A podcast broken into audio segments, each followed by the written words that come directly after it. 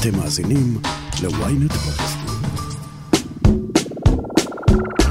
היי, ברוכים הבאים לרפרש, פודקאסט הטכנולוגיה של ynet. אני יובל מן, ואני אושרית גנאל.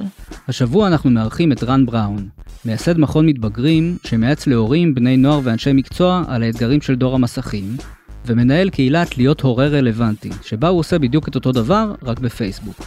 נדבר על סמארטפונים והגיל המתאים לתת אותם לילדים, על אפליקציות ורשתות חברתיות שצריך להיזהר מהן, ועל התפקיד של המדינה בכל הסיפור הזה. קדימה, בואו נעשה רפרש. רן בראון, ברוך הבא לרפרש. אהלן.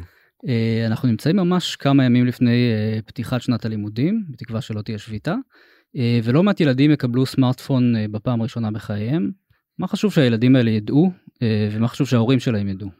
קודם כל זה מה חשוב שההורים שלהם ידעו, כי מי שנותן להם את הטלפון זה ההורים, והורים צריכים לקחת בחשבון שטלפון היום זה כמו רישיון לנהיגה, אתה לא נותן אותו בכל גיל. זאת אומרת, אתה כבר אמרת ילדים רבים, זה מצער שילדים רבים יקבלו את זה כמתנת תחילת שנה. אנחנו, אני לא נותן אותו בכל גיל, אני נותן אותו עם חניכה וליווי צמודים, ואתה גם לא מקבל אותו ל-24 על 7, ממש כמו עם רישיון נהיגה. בשלבים הראשונים ההורה הוא המורה לנהיגה שנמצא לצד הילד, יש לו שליטה מלאה על מה שקורה שם, הטלפון חוזר אליו, יש לו כל אפליקציית סינון ובקרה, עד שלאט לאט הוא עובר להיות ההורה המלווה. אוקיי, okay, אז בוא נדמיין שאני הורה שנותן לילד שלי אה, טלפון בפעם ראשונה. מה חשוב שאני אדע? קודם כל שנתת לו במובן מסוים גם כלי נשק, לא רק, יש גם דברים טובים בטלפון, לא נעשה לו דמוניזציה, אבל בפירוש גם נתת לו רימון חי, כי אנחנו יודעים שבקלות הסיפור הזה הופך להיות כלי נשק, בדרך כלל האפליקציה הראשונה שהם מורידים, שבגללה בכלל נותנים טלפון זה וואטסאפ. ושתי דקות אחרי זה הם כבר פותחים אה, קבוצה כיתתית ושלוש דקות אחרי זה כבר העיפו מישהו מהקבוצה והתחילו לטנף עליו ומשם מתחיל הבלאגן. ולכן הדבר הראשון שאני ארצה עוד טרום מתן הטלפון זה לחתום עם הילד על הסכם. שהסכם הוא לא איזה הסכם משפטי שלוקחים לעורך דין, אבל הסכם נועד להעלות את כל הנקודות שאני רוצה שנשים לב אליהם ושניקח בחשבון, וגם מייצר אה, תהליך חשיבה גם אצל הילד. אז אני כותב את הסעיפים, נותן לילד 24 שעות לחשוב על זה. היה מקרה אחד ששמעתי, של אימא שסיפרה לי שבעקבות ההסכם הילד שלה החליט מיוזמתו לדחות את אה, קבלת הטלפון אבל זה באמת לא, לא סתם זה הגיע לאוזניי כי זה מקרה נדיר אבל בפירוש להסכם יש תוקף כי מדי פעם אנחנו חוזרים אליו וככה בודקים עד כמה אנחנו עומדים בו ולא עובדים זה השלב הראשון. אוקיי, okay, אז מה, מה הנקודות בהסכם הזה מבחינתך? הסעיף הראשון זה הטלפון הוא לא שלך, הוא שלנו, הוא נמצא אצלך בהשאלה בלבד, אם לא תדע להשתמש בו, ניקח אותו. וזה בפירוש ככה, בכלל הטלפון חוזר אליי כהורה. בסוף פרק השימוש, פרק השימוש הוא לא בהכרח סוף היום, אלא יש זמנים מסוימים ביום, נגיד, בטח אצל ילדים צעירים שהם לא צריכים טלפון בבית ספר. המקסימום זה אולי הם מגיעים עם טלפון לבית ספר, שזה גם אפשר לשים על זה סימן שאלה אם צריך את זה או לא, אבל בזמן שעות הלימודים אתה לא עם הטלפון, אתה חוזר עם, מהבית, יש, הביתה סליחה, יש לך פרק זמן מסוים, יש לך עוד פרק זמן אחר הצהריים, ובשאר הזמן הוא, הוא, הוא שלי, הוא נמצא, הוא חוזר אליי. סעיפים נוספים זה על uh, מה מותר ומה אסור. איזה אפליקציות מותר לך להוריד, איזה אפליקציות אסור, את זה שכל אפליקציה לפני שאתה מוריד אתה מקבל את אישורי, אנחנו לומדים ביחד מה האפליקציה, ואם החלטנו שהיא מתאימה לגילך אז אתה מוריד אותה, אם החלטנו שהיא לא מתאימה אתה לא מוריד אותה. אה, דבר נוסף זה על סגנון דיבור.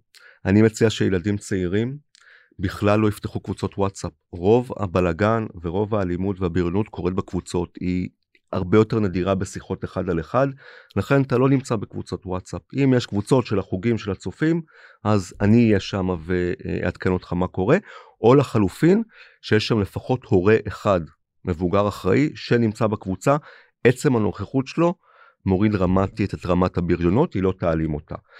אמ, אלה שלושת העקרונות המרכזיים, אפשר גם להוסיף כמובן הטלפון לא הולך איתך לישון ועוד כמה דברים מהסוג הזה, אבל אחד זה הטלפון הוא שלנו, שתיים זה זמני שימוש, שלוש זה מה מותר ומה אסור להוריד ואיך מותר ואיך אסור לדבר.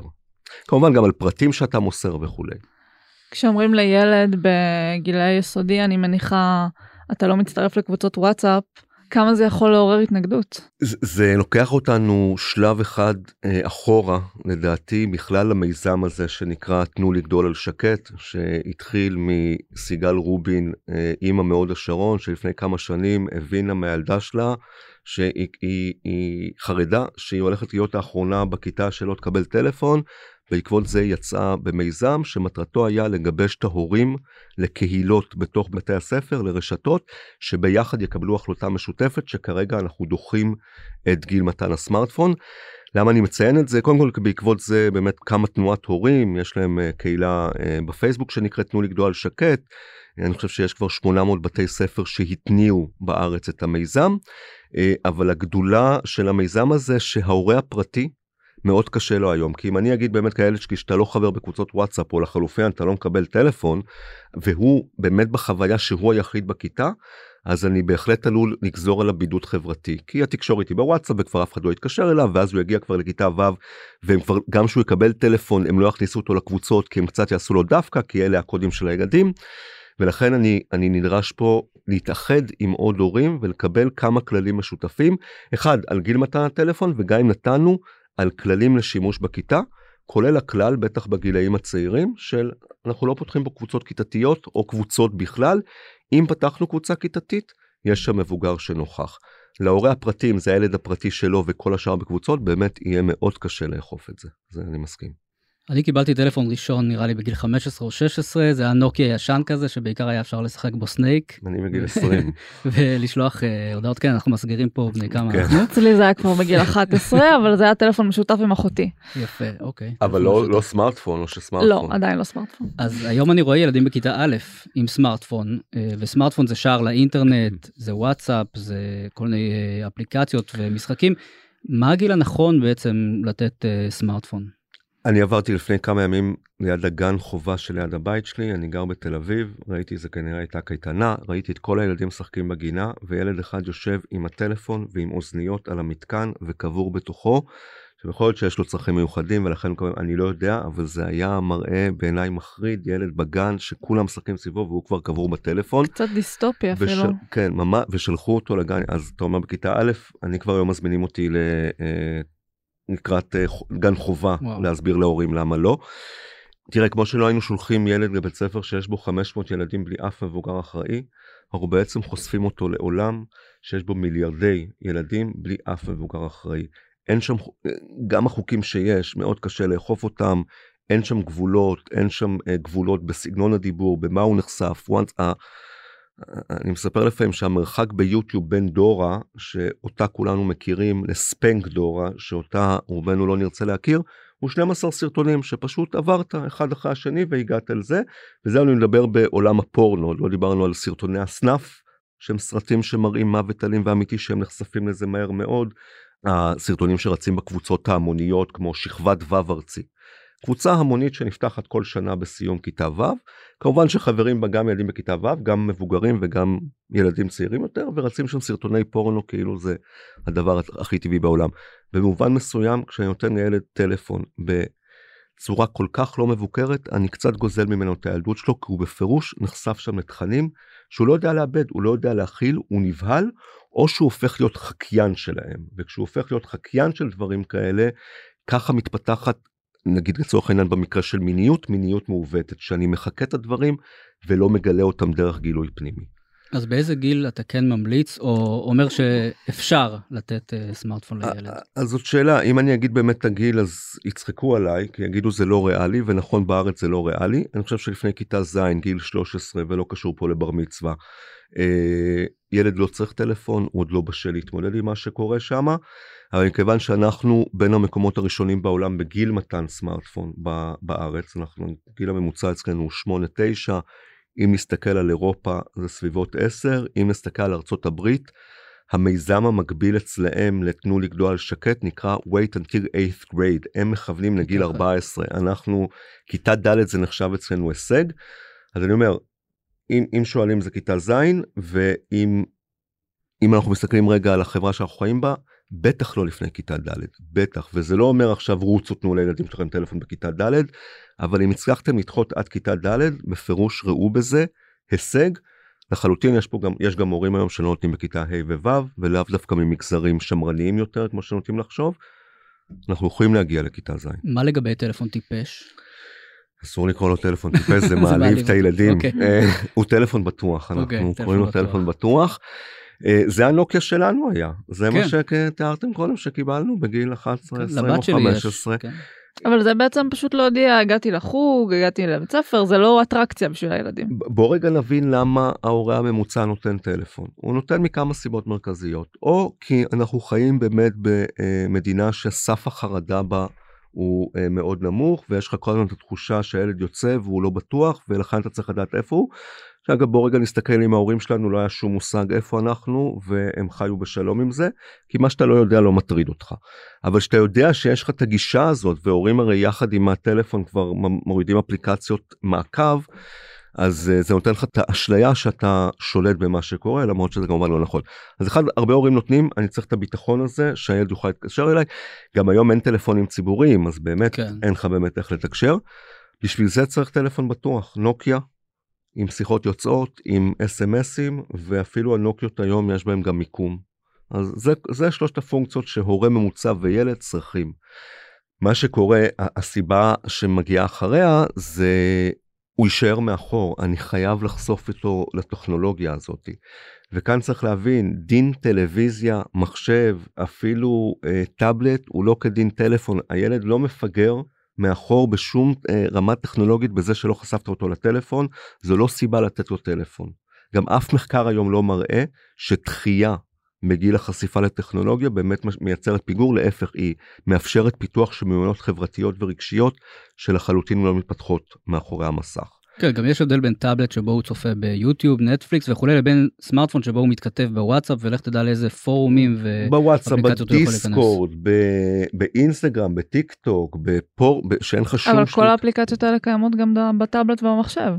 נכון ועדיין יש לך אני גם אתה יודע אפשר גם לדבר על טאבלט האם באמת צריך לצייד ילד בטאבלט או שאפשר שיהיה טאבלט ביתי וגם אז הוא בפיקוח אה, מלא של ההורה זה כן. עדיין לא טלפון שהילד סוחב טאבלט הוא לא מוציא מהבית לרוב הוא לא ל- סוחב איתו 24 על 7. גם לרוב הט- הטאבלטים אין אה, חיבור סלולרי, אין לו מספר הנה, טלפון נכון. והוא לא יכול להתחבר לוואטסאפ ולכל מיני אפליקציות כאלה. אז, אז זה נכון ואז אמרנו אז הסיבה השנייה זה כי הילד יישאר מאחור טכנולוגית זה חד משמעית לא נכון אה, באמת כל המחקרים מראים שאין לזה שום קשר בכלל טכ- אה, טלפון זה לא קדמה זאת אה, עסקה. אנחנו בעסקה שם. אנחנו מקבלים וואטסאפ לצורך העניין אפשר לתקשר היום הרבה יותר בקלות. אנחנו מעמדים יש ירידה עקבית בעשור האחרון ביכולות אמפתיה של צעירים.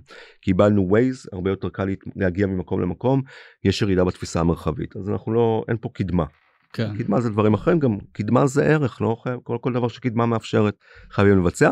והסיבה השלישית שהרבה הורים יגידו שבגללה אני נותן טלפון זה כי אבל נתתי לאחיו הגדול בגיל הזה והוא עכשיו רוצה גם זה גם לא סיבה מספיק טובה קודם כל מאז אחיו הגדול למדנו הרבה יותר על הטכנולוגיה ואנחנו מבינים איך היא משפיעה ואפשר להגיד לילד תקשיב זה שעשינו משהו עם אחיך הגדול אנחנו מבינים אחרת ב' גם הטלפונים השתנו מאז.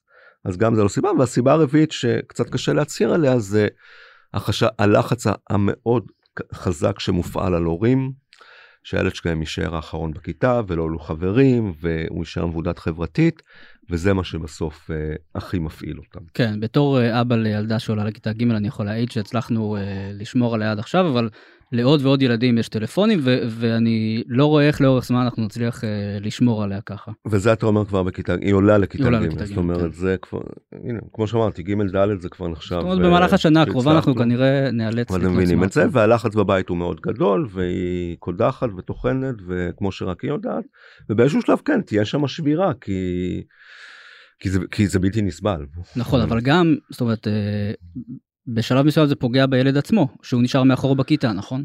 צריך גם להבין עוד משהו והורים אה, קשה להם להודות בזה מצאנו פה בייביסיטר זמין וזול שאיתו אנחנו מסיימים את הילדים רואים את זה בגיל שלוש ההורה דוחף את הילד עם העגלה והילד יושב שם עם הטלפון אתה נכנס למסעדה הילדים על הכיסא תינוק כבר מתיישבים מאחורי המסך ובעצם מאלחשים אותם ולא שומעים מהם וזה זה תענוג המוצץ של ימינו. אבל מוצץ זה- נכון קוראים לזה מוצץ אבל אתה יודע זה, זה, זה, זה מטעה לחשוב שזה באמת מוצץ זאת אומרת שזה מוצץ מסתכל- אלכוהולי. אוקיי, זה אפשר אה, יותר אה, כן להתייחס לזה ככה. אמ, ולכן שוב אני אומר, אם אנחנו לא נרתום את ההורים האחרים בכיתה, אז uh, היכולת שלנו לדחות את גיל, הש... את גיל מתן הטלפון, היא... אנחנו מגיעים לאיזושהי תקרת זכוכית שמשם מאוד קשה. למה... מאוד קשה כבר להגיד לא. למה אתה משער שבארץ זה מתחיל בגיל מוקדם יותר יחסית לעולם? אני לא יודע להגיד, אני חושב שאחד אנחנו קצת, אה, הפרובינציאליות פה הופכת אותנו ל-early adapters של כל טכנולוגיה חדשה ש, אה, שיוצאת. אה, הייתה פה גם בתקופת אה, שר החינוך הקודם קודם, בתקופת אה, בנט הייתה איזה עליהום לצייד את, להכניס את הטכנולוגיה לבתי הספר בלי שום אה, בקרה ופיקוח, היום כאילו הם, הם לא כאילו הם מכים על חטא על זה ומנסים כבר רגע לקחת אחורה. אמ, וגם יש פה את הנרטיב הזה שמספרים שאנחנו מדינה עם בעיות ביטחוניות ואנחנו צריכים לדעת איפה הילד וזה. בואו זה באמת אני רואה גם הורים שמגיעים אליי לקליניקה מה שהכי מטריד אותם בסופו של דבר זה זה שהמשחקים האלה שהילד משחק איתם עם האפליקציית 360 אם הוא כן הם יודעים איפה נמצא או לא בסוף יש לך מין חוויית שליטה כזו על איפה הילד נמצא והיא לכאורה מאוד מרגיעה אותך. ואנחנו מחפשים את ה... למרות שאנחנו יודעים שהילד יכול להיות בבית, בחדר שלו, ממש מטר לידינו, ועדיין אז... הוא יהיה בכל מיני uh, פורומים uh, שמסכנים אותו של פורנו ואלימות וכולי. להגיד שאני שוב ושוב מופתע עם כל המודעות לכאורה שיש והכתבות, ו... ואני רואה גם כמה אני מרצה, עדיין על התמימות והבורות של ההורים, או ה- היכולת שלהם להדחיק את זה, ולהמשיך ולספר לעצמם שאצלם זה לא יקרה. ובואו אנחנו זוכרים את האירוע לפני כמה שנים של ילד בכיתה ו' בקריית ים.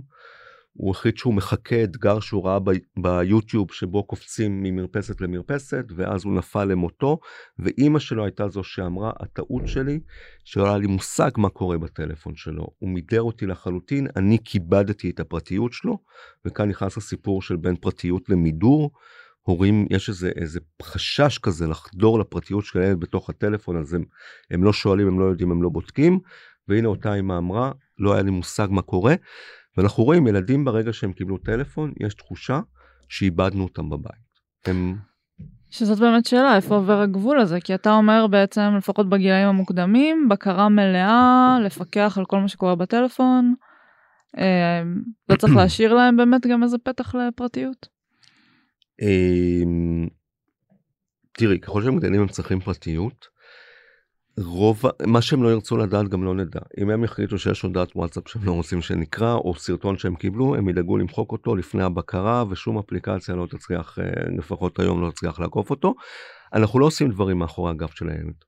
אני הורים שאומרים לי אנחנו מחטטים בכלל המילה חיטוט היא, היא צורמת כשהוא הולך לישון אנחנו מחטטים לו בוואטסאפ לא אני לא מחטט לילד אני מכבד אותו, אני אומר לו מראש, תקשיב, לנו יש גישה, כרגע בשלב המורה לנהיגה לי יש גישה מלאה.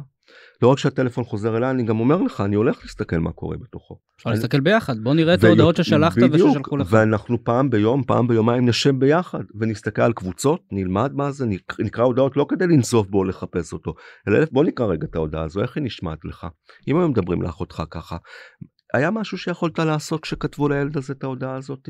גם אם לא לפני כולם, היית יכול נגיד לפנות אליו בפרטי אולי, להגיד לו, תקשיב, זה לא בסדר שאמרו לך בקבוצה, אני איתך. אני, אני מלמד אותו איך הוא, איך הוא מתערב, איך הוא לא עומד מהצד, איך הוא מגיב לסיטואציות האלה. הילד החליט שהוא, הילד החליט, החלטתי שאני מאפשר לו אינסטגרם, שלושה חודשים ראשונים, כל תמונה שאתה מעלה, אני רוצה לראות אותה, אנחנו לומדים ביחד, מה הערכים של הבית, מה מותר, מה אסור, מי עוקב אחריך, אני חונך אותו. המקרה היחיד, הסיסמה אגב זה עוד דבר בהסכם, יש לנו את הסיסמה. אנחנו לא, לא, לא נשתמש בה אלא אם כן לחשוב שדבר נורא קרה והדרך היחידה שלנו כרגע לפתור את התעלומה הזאת זה להיכנס לטלפון. בשאר הזמן הוא ידע כל אפליקציה ששמתי כל פעולת ניטור שאני עושה כי זה חלק מייצר איתו תקשורת ולחנוך אותו. ועוד לא דיברנו על הדברים החיוביים, זאת אומרת אנחנו צריכים גם להתחבר על הדברים החיוביים. אוקיי. אני... יש דברים חיוביים. אוקיי אז מה, מה הדברים החיוביים אה, שיש בסמארטפונים? לא בסמארטפונים ברשת. קשה להסתכל על הסמארטפון כדבר חיובי לילדים הוא דבר חיובי בעולם המבוגרים כי אנחנו גם גם, גם לא אתם גם נכון לא תמיד, כן. זאת אומרת אנחנו צריכים אותו. אנחנו גם מכורים וגם אם אתה רוצה לעבוד היום בעולם המערבי אתה חייב להיות uh, עם המכשיר הזה כי אחרת באמת אתה אני נגיד, לא יאמינו לי שאני אומר את זה, אבל אני אם הייתי יכול היום הייתי מתנתק מהפייסבוק. הייתי באמת מוחק אותו, הוא בשבילי כלי עבודה, ואם אני לא אהיה שם, או אם אני לא אהיה באינסטגרם ובטיק טוק, כי זה העולם שאני אה, מדבר עליו, אז, וברור שלפעמים אני נתקע שם שעות בלי לשים לב.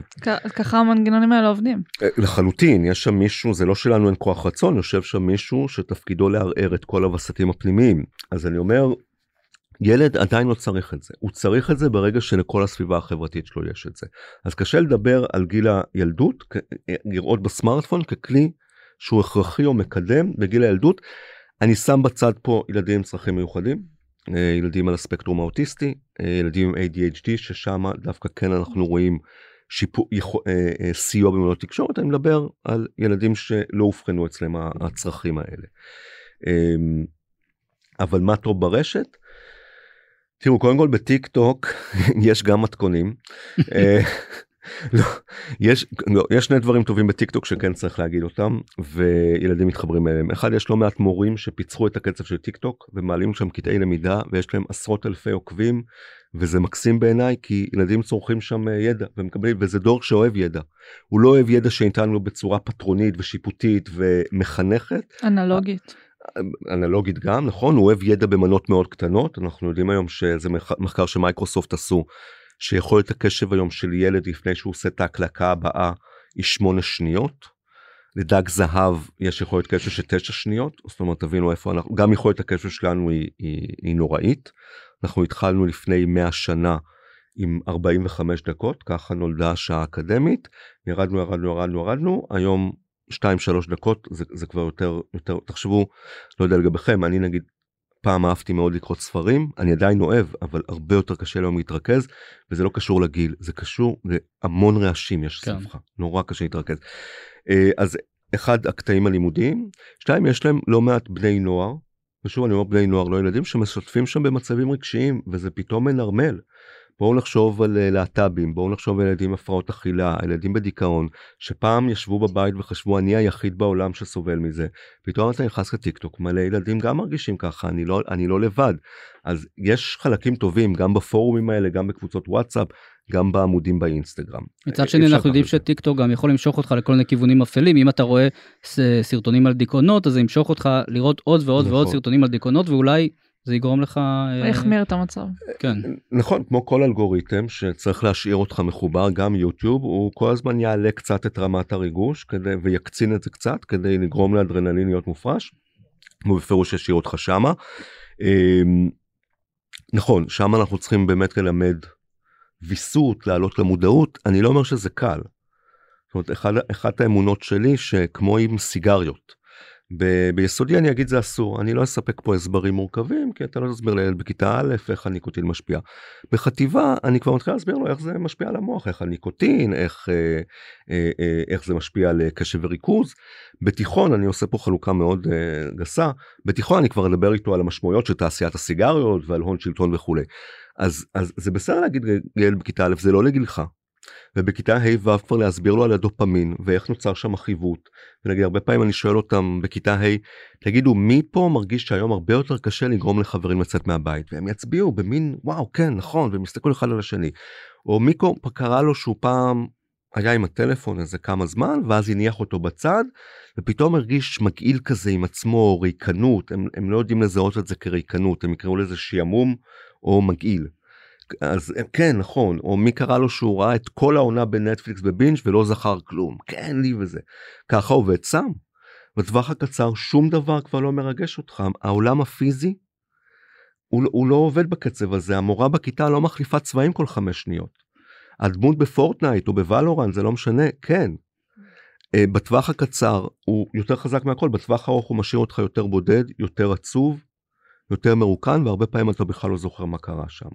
ואנחנו צריכים מגיל קטן גם את זה, כל שלב לפי היכולת ההבנה שלהם, לחנוך אותם, כמו עם סמים, ההבדל בין סמים לזה, שזה כלי שאנחנו צריכים ללמוד לחיות איתו.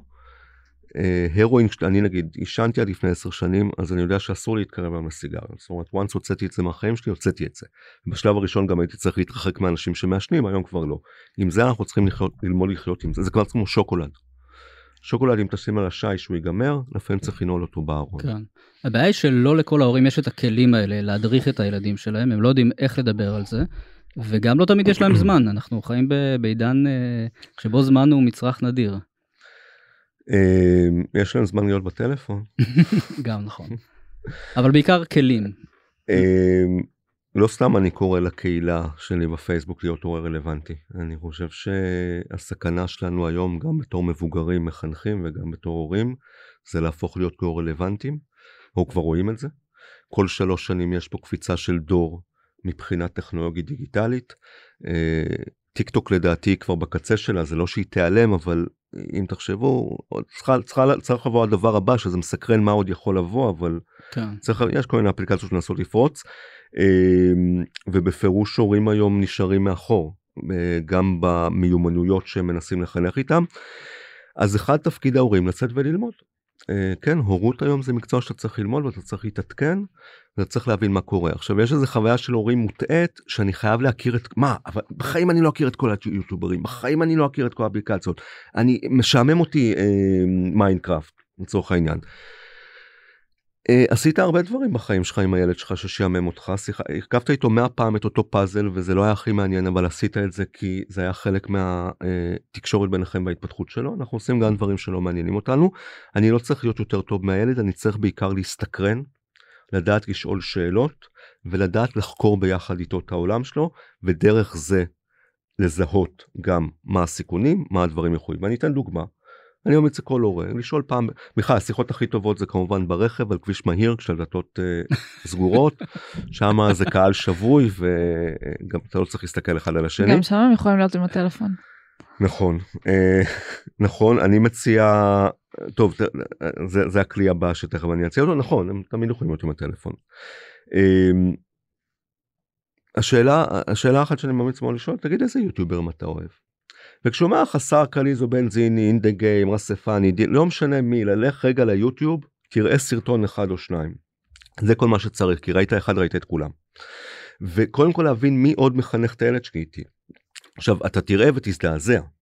כן. אני שבוע שעבר, לא, לא, לא, משפחת טרסוב נגיד, לא יודע, אני ראיתי את אחד הסרטונים שלהם. שזה עוד יחסית תוכן אה, נראה לי אז זהו, הורים אומרים לי לא? זה, לא, את, יש ויש, כי שבוע שעבר ראיתי סרטון, הם עשו 24 שעות שהם אוכלים רק מתחנות דלק. רק מחנויות נוחות של תחנות דלק. אני ספרתי שם, עכשיו שוב אני מסייג, יכול להיות שלא ספרתי נכון, ספרתי שם 52 פריטים שיווקיים, שרובם אני מניח עמוסי סוכר, אה, שומן וכולי. לא יודע אם אני רוצה שהילד שלי מחר יציע לעשות את זה כאתגר משפחתי כיום כיף בקיץ אבל עשו את זה. עכשיו בסדר הוא כבר יראה את זה. כן.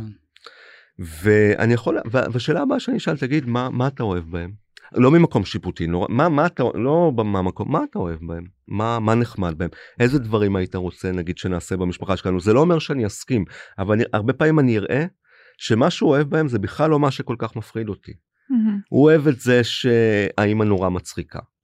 את זה שדברים שבכלל אני לא חשבתי עליהם. אני אשאל אותו על פורטנייט אני אראה שמה שמעניין אותו זה בכלל לא הקרבות שם מה שמטריד את ההורים זה הקרבות היריות. לא מעניין אותו שיש קואליציות ומתאחדים וזה שזה אסטרטגיה זה יפה. מה מה כאן היית מחכה? מה נגיד בחיים לא היית עושה? ועשיתי פה כמה דברים. אחד התחברתי שתיים, אני מתחיל להטמיע אצלו את השאלות האלה כדי שהוא יתחיל לחשוב על זה ככה. כל פעם שהוא צורך תוכן, אני רוצה שהוא יפתח חשיבה ביקורתית, ואני תמיד אבל בסוף אביע את עמדתי. לא ייקחו ממני את הזכות, את החובה הזאת ואת הזכות להביע את עמדתי. עמדתי זה לא עזוב אותך מהשטויות האלה, זה לא עמדה, זה שיפוטי, אף אחד לא רוצה לדבר עם מי ששופט אותו. עמדתי זה כל עמדה, אתה יודע, אני פחות אוהב את הקטע הזה שיום שלם אוכלים ממתקים, אני חושב שזה, שזה פחות לעניין, בבית שלנו זה לא נהוג, אני אוסיף את זה. אבל אם תבחר לצפות בזה, זה, זה בסדר. אני שמח גם שאתה שם לב שיש כמה דברים שאתה פחות אוהב שם. זאת אומרת, זה רגע להניח בצד גם את הזלזול וגם את הפחד. לבוא ובאמת לרצות ללמוד את העולם שלהם כי הוא באמת עולם שונה וקורים שם גם דברים טובים. נגיד סיפר לי אבא הילד שלי רואה סרטוני היסטוריה ביוטיוב ואז אנחנו מדברים על זה. מקסים. מעולה. זה הפכת את זה למשהו אינטראקטיבי כאילו הנה אנחנו מדברים על זה. כן לך תשחק תשחק איתו מיינקראפט תשחק איתו ולורנט אתה לא תשאל אותו מה מלהיב אותו שם מה ההישגים שלו. הורים אומרים לי הילד שלי אין לו מוטיבציה לכלום. הוא משחק מיינקראפט אז יש לו מוטיבציה למשהו ומיינקראפט, בוא ננסה ללמוד מה, הוא, יש לו הישגים שם, בוא, בוא נפרגן לו על ההישגים שלו שם. בוא נתחבר לכלי, לעולם הזה שלו, ונהיה חלק ממנו, גם נביע את עמדתנו, לא, לא, לא נוותר עליה, אבל גם נפרגן, אם נפרגן על הדברים החיוביים, כי אם נעמוד כל הזמן בעמדה השיפוטית, הביקורתית, המצקצקת עם הלשון, איבדנו אותם. אף אחד לא רוצה לדבר עם מישהו שכל הזמן שופט ומבקר אותו, גם לא אנחנו. ואנחנו, נורא קל, גם אני כל פעם צריך להחזיק את עצמי ולהזכיר לעצמי, נורא קל ללכת למקום הזה. הפסקה קצרה, וכבר חוזרים. שלום, כאן עופר שלח. במדינה שבה יש בחירות כל שנה, במקרה הטוב, ופרשה חדשה בכל שעתיים, מישהו צריך לדבר על מה שחשוב לנו, האזרחים. בכל פרק של האמת היא, אנחנו נשוחח עם דמות בחירה אחרת על סדר היום העתידי שלנו כאן בישראל. שזו דרכי להגיד לכם שנדבר על כל מה שחשוב שהפוליטיקה תעשה בשבילנו, אבל היא לא תמיד עושה, לא ברור אם היא יכולה לעשות. אז תעקבו אחרי העונה החדשה של האמת היא בוויינט, ספוטיפיי או באפליקציית הפודקאסטים שלכם. תבואו, יהיה מעניין.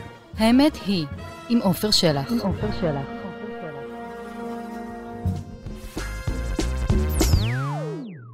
בעצם אתה מדבר פה הרבה על באמת אחריות של ההורה במציאות החדשה הזאת שנוצרה. אה, מה דעתך לגבי האחריות של החברות עצמן? למשל לאחרונה היה המון ביקורת על אה, מטא כי הם רצו להשיק את אינסטגרם קידס. מנגד יש ביקורת על זה שכבר היום יש המון ילדים באינסטגרם ואין פיקוח על זה.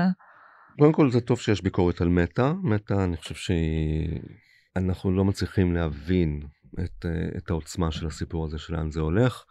בסין אגב מה שעשו ילדים לא, לא מאמינים שהם, שאני מספר את זה, כי הם, הם, הם נחרדים מהמחשבה זה שמדינה יכולה להתאכזר ככה לילדים שלה.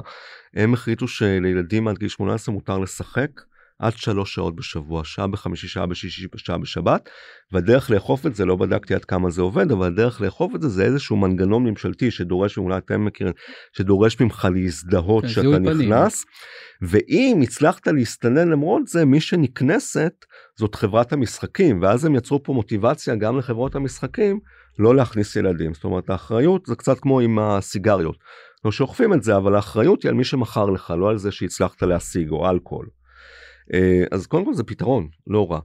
אני חושב שאנחנו כנראה לא נצליח לשכנע את מטא או כל חברת משחקים אחרת לקחת uh, אחריות. גם המעשים שהם עושים זה מס שפתיים, זה שאתה יכול היום ב... בטלפון לראות כמה זמן השתמשת, בוא זה לא, לא כן. באמת מקטין את זמן הצריכה. אה, זה קצת כמו שבנק יאפשר לך לפתוח חשבון בנק בגיל 16 אה, כדי ללמד אותך התנהלות פיננסית בזמן שהוא יודע שהיא תפתח שם בגיל 16 אז כבר תהיה לו ככה של כל השנים. אם תחת אינסטגרם קידס אז כבר תהיה באינסטגרם אה, זה אני לא קונה את זה זה, זה לא הם ייקחו את האחריות מי שצריכה לקחת את האחריות זאת גם המדינה. ואי אפשר לשים את הכל על ההורים. יש לנו חוקים נגד אלכוהול וסמים אין לנו חוקים נגד מסכים. אז זאת אומרת שהמדינה רוצה להתערב במשהו שהוא הרסני, היא עושה את זה מצוין, וכשהיא לא רוצה היא גם יודעת לעשות את זה, והיא לא עושה את זה בעולם הטלפונים והמסכים, ואני חושב שהרגולציה צריכה לבוא גם מצד הרגולטור, ולא לשים את כל המשקל על ההורים.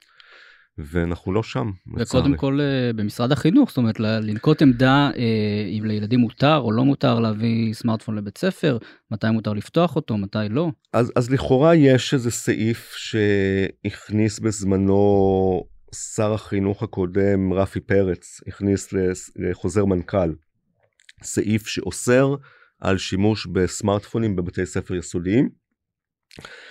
אמ, אבל זה בסוף כל מנהל או מנהלת מפרשים את זה כמו שהם רוצים ו- וזה לחץ שלא דיברנו עליו קודם לחץ נוסף שמופעל על ההורים שפתאום פתאום בכיתה ד' המורה אומרת תוציאו את הטלפונים אנחנו עושים קהוט ואז הילד שאין לו טלפון אה, אין לו טלפון הוא לא יכול להשתמש וזה עוד לחץ שמופעל אז אם תהיה אה, אכיפה של חוזר מנכ"ל ויחליטו שאין כזה דבר אז אני מניח שיהיה אפשר יותר בקלות ליישם את זה. יש היום בתי ספר, גם, גם חטיבות וגם תיכוניים, כל זה איים של תקווה, שעל דעת עצמם החליטו ממש לייצר מנגנון שאוסר על שימוש בטלפונים בתוך בתי הספר, ואלה שלקחו את זה כפרויקט ואוכפים את זה, רואים תוצאות מצוינות גם ב-well-being של התלמידים, במה שקורה בהפסקות, בתקשורת בכיתות.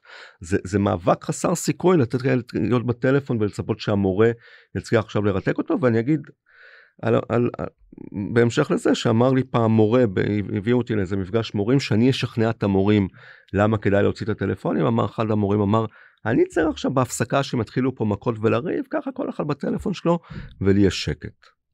אז כן. זה גם אה, שיקול פה. עד כמה באמת המורים מודעים לכל הסכנות וכל הקבוצות המסוכנות שילדים יכולים להגיע אליהם? זאת אומרת, עד כמה מדברים על זה בשיעורי חברה ו... וכולי. מדברים על זה הרבה. הם, הם מדברים קצת את ה basic.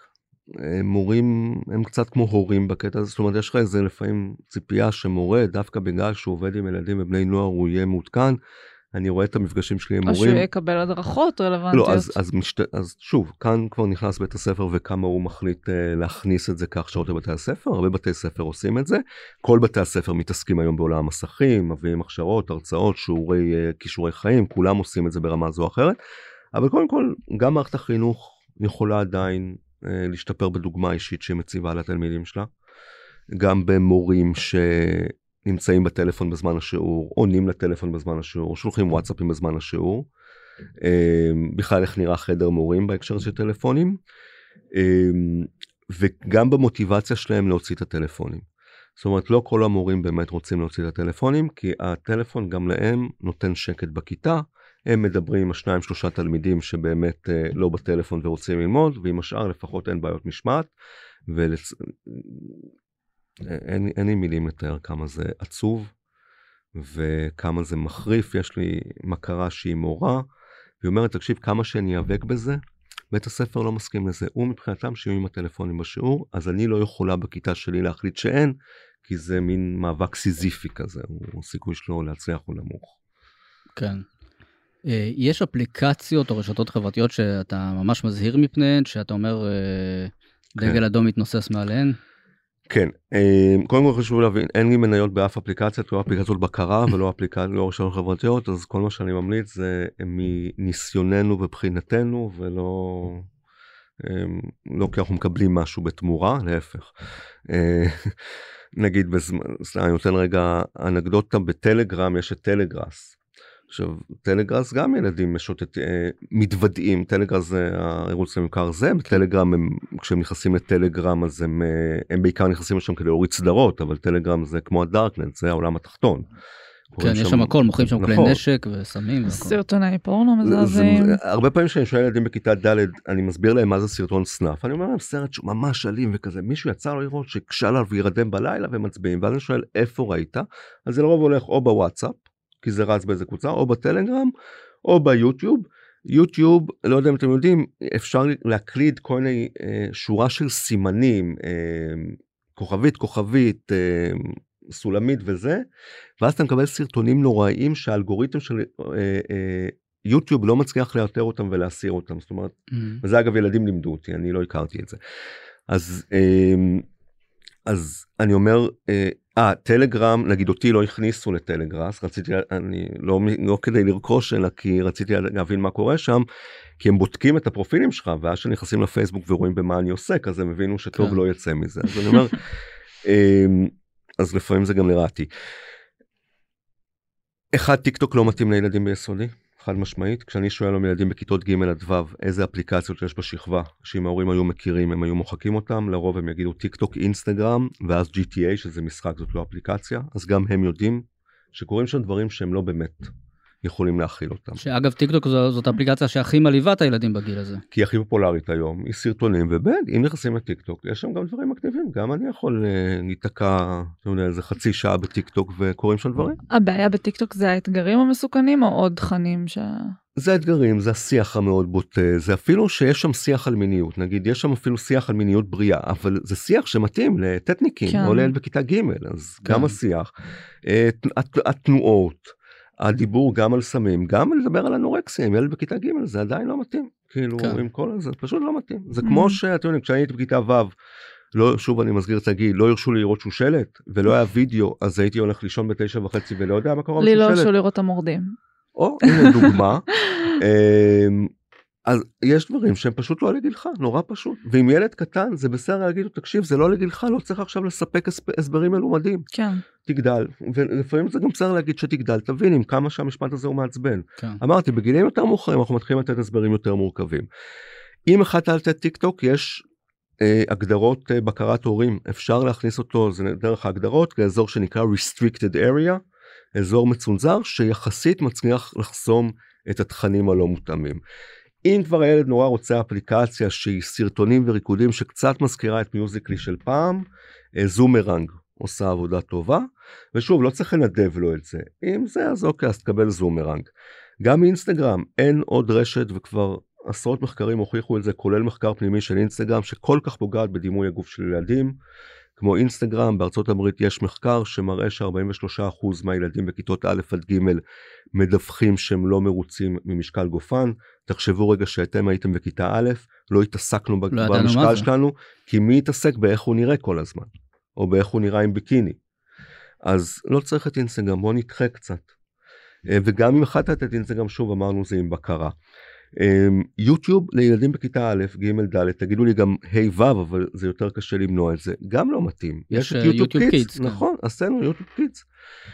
אה, ואם שאלו אותי, גם וואטסאפ הוא לא מתאים. עכשיו וואטסאפ הוא מתאים עם בקרה מאוד צמודה, לשיחות אחד על אחד, עם בקרה שלי יומיומית על מה קורה שם, אז כן, גם וואטסאפ לא במקרה לפני שנתיים שינו את המלצות השימוש מ-14 ל-16, כניסיון לאותת גם להורים, חבר'ה, אנחנו לא מייעדים את זה לילדים שלכם, זה לא מתאים. זה גם לא מתאים למבוגרים, בואו, אנחנו יודעים מה קורה שם. זה לא מתאים למבוגרים, זה מכיוון שרובנו נהפוך להיות יותר אכזרים מאחורי המסך, זה built in. אמפתיה מתפתחת בתקשורת פנים אל פנים, היא לא קורית מאחורי מסך. וטלגרם כמובן. טלגרם חד משמעית וגם דיסקורד זאת אפליקציה ש... שעליה הם משחקים. שוב אם אני שם עליה את כל ההגדרות שאתה משחק רק עם אנשים שאתה מכיר שלא כל אחד יכול לעקוב שאני שם את הקונסולות במקום עמדה בית, אה, משותפת שאני שומע את השיח זה בסדר לתת לו להיות לבד בדיסקורד זה גם כן אה, אזור פרוץ שלא מומלץ לתת לו להיות שם לבד. ואז תשאלו אותי אז מה נשאר נשאר לא לתת לו טלפון בגיל הזה פשוט מאוד. אוקיי. אה, בוא נדבר רגע על אה, קבוצת אה, להיות הורה רלוונטי שהקמת. תספר אה, מה גרם לך להקים את הקבוצה הזאת ומה מה קורה שם בדיוק. האמת שהקבוצה הזו נולדה בימי הקורונה אה, שפתאום היו סגרים ו... אה, והורים היו באמת במצוקה מאוד גדולה. ואני זוכר שגם אז שאלו אותי רגע עכשיו גם לא לתת להם עדיין טלפון? אתה דן גם בגישה הזאת? מה נעשה איתם בבית? ופתאום גם אני אה, שיניתי את עמדתי. אמרתי תשמעו קודם כל חשוב ה- ה- הרווחה הרגשית של המשפחה זאת אומרת אם אנחנו עכשיו הולכים להרוג אחד את השני אז כן בואו זה לא הזמן עכשיו להתחיל לחנך או בזמן משבר אתה עוסק בלשרוד אתה לא עוסק ב... אתה שם רגע את החינוך בצד. ו... ואז באמת היה איזשהו רפיון אצל אנשי המקצוע ופתאום אמ, גם אני באתי ואמרתי תשמעו זה בסדר אז תחליטו על טאבלט ביתי על סמארטפון ביתי ותנו להם לשחק וזה בסדר. אה, והייתה מצוקה מאוד גדולה של הורים ואז בכלל הקבוצה הזו נקראה בהתחלה הורות בימי קורונה. והמטרה שגם הייתה לעזור להורים להתמודד בימים האלה של הקורונה. הקורונה לא יודע לדעתי כבר מאחורינו ומכיוון שבאמת לאורך השנים אני יותר ויותר מרגיש שאנחנו כמבוגרים עלולים להפוך להיות לא רלוונטיים והורים כבר הופכים להיות לא רלוונטיים אז נולד אה, מבחינתי הצורך היא כבר מונה כמעט 18 אלף אה, אה, משתתפים הקבוצה הזאתי. להפוך את זה לקבוצת להיות הורה רלוונטי שמטרתה זה באמת לעזור להורים להישאר רלוונטיים גם בלהכיר את גיבורי התרבות את המשחקים את האפליקציות של הילדים גם בלדעת איך לייצר איתם תקשורת איך לדבר איך לנהל את המפגש הזה איתם ובעצם לצייד אותם בכל מה שקורה היום בעולם הילדים והנוער וההורות שלהם מאפשר להם גם להתייעץ היום פייסבוק גם מאפשר להתייעץ באנונימיות שזה פיצ'ר נחמד. זו מטרת הקהילה הזאתי. כן אז בעצם הורים שמרגישים מבולבלים ולא יודעים מה, אה, איך בדיוק אה, להתמודד עם הילדים שלהם יכולים להגיע לקבוצה ולבקש עצה ממך. הורים ואנשי מקצוע אחרים. ואני חושב שכל הורה יכול להרוויח כי בסוף אנחנו רוצים להישאר מעודכנים ו-up to date וכל הורה נתקל מכיוון שאני אומר באמת הורות היום זה משהו שאתה צריך ללמוד. אה, אז אז בואו בואו נאפשר לעצמנו ללמוד בואו ניכנס למקומות שאנחנו יכולים ללמוד בהם. רן בראון, תודה רבה שהיית איתנו. תודה לכם. עד כאן רפרש להפעם. כדי להאזין לפרקים הבאים שלנו, עקבו אחרינו בוויינט, בספוטיפיי, או איפה שאתם שומעים פודקאסטים. דרגו אותנו באפל פודקאסט ובספוטיפיי, ותשלחו את הפרק לחברים שחייבים לעשות רפרש. נשמח לראות אתכם גם בקהילת רפרש בפייסבוק. עורך הפודקאסטים שלנו הוא רון טוביה, על הסאונד גיא סלם. תודה לאורח שלנו רן בראון, תודה ליובל מן, אני אושרית גנאל. להתראות בשבוע הבא.